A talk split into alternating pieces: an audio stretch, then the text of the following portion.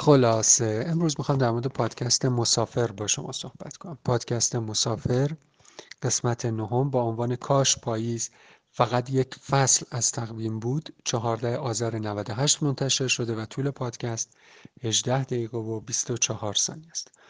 پادکست مسافر به شدت منو یاد پادکست رادیو بندر تهران میندازه هر دو پادکست یک قصه یا چند قصه و روایت رو کنار هم قرار دادن. و فضای قصه ها و داستان ها دلنشینه. شاعرانگی داره. نصر شاعرانه رو انتخاب کردن. برای روایت کردن روخونیش.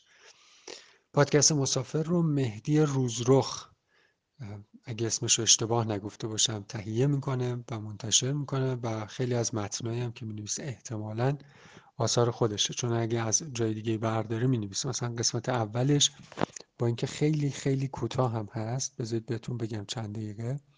دو دقیقه و 15 ثانیه که آخرش هم فکر کنم نزدیک سی ثانیه سکوت داره. بخشی از کتاب خداحافظ گری کوپر رومن گاری رو روخونی کرده. بعد دیگه قسمت های قسمت به قسمت یه ذره time ش افزایش پیدا کرده. مثلا آخرین سقاخانه شهر فقط یه متن ادبی هفت دقیقه و 25 ثانیه طول پادکست هم همینجور رفته بالا تا به الان که پادکستی با 18 دقیقه زمان منتشر کرده. گفتم شبیه رادیو بندر تهرانه. از این جهت که هر دو یک روایت انتخاب یک روایت و چند روایت انتخاب می‌کنن. لابلاشون از موسیقی استفاده می‌کنن. کاوراشون خیلی شبیه همه. هر دو از عکس با عنوان کاور استفاده می‌کنن. ولی خب طبیعیه دیگه. تفاوتهایی هم دارن. مسافر خیلی کوتاهتر از اون هست. یعنی در حد مثلا همین 18 دقیقه 20 دقیقه. حد اکثر اپیزودش 25 دقیقه بود که به عنوان زمین سوخته دو آبان منتشر شده. و همین شبیه اونه خیلی چیز خاصی نمیشه گفت. گفتم که قصه داره روایت داره.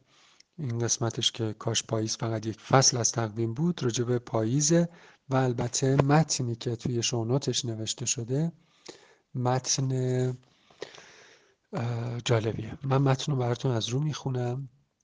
ببخشید من گفتم شماره نهم شماره هشتمشه من هی برای خودم گفتم حالم خوب است و هی در انعکاس صدایم یکی گفت اما تو باور نکن.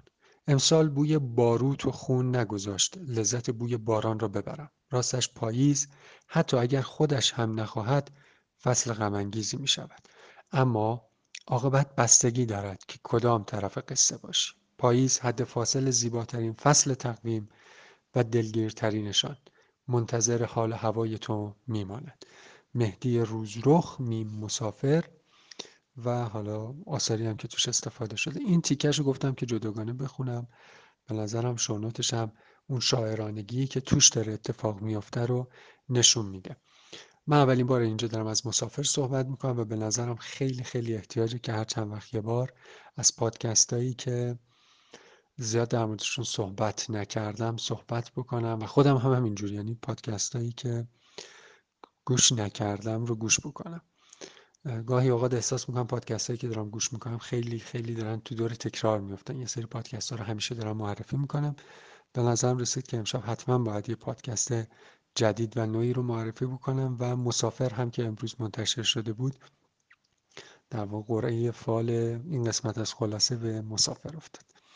پادکست خوب گوش کنید پادکست های خوب رو دیگران هم معرفی بکنید.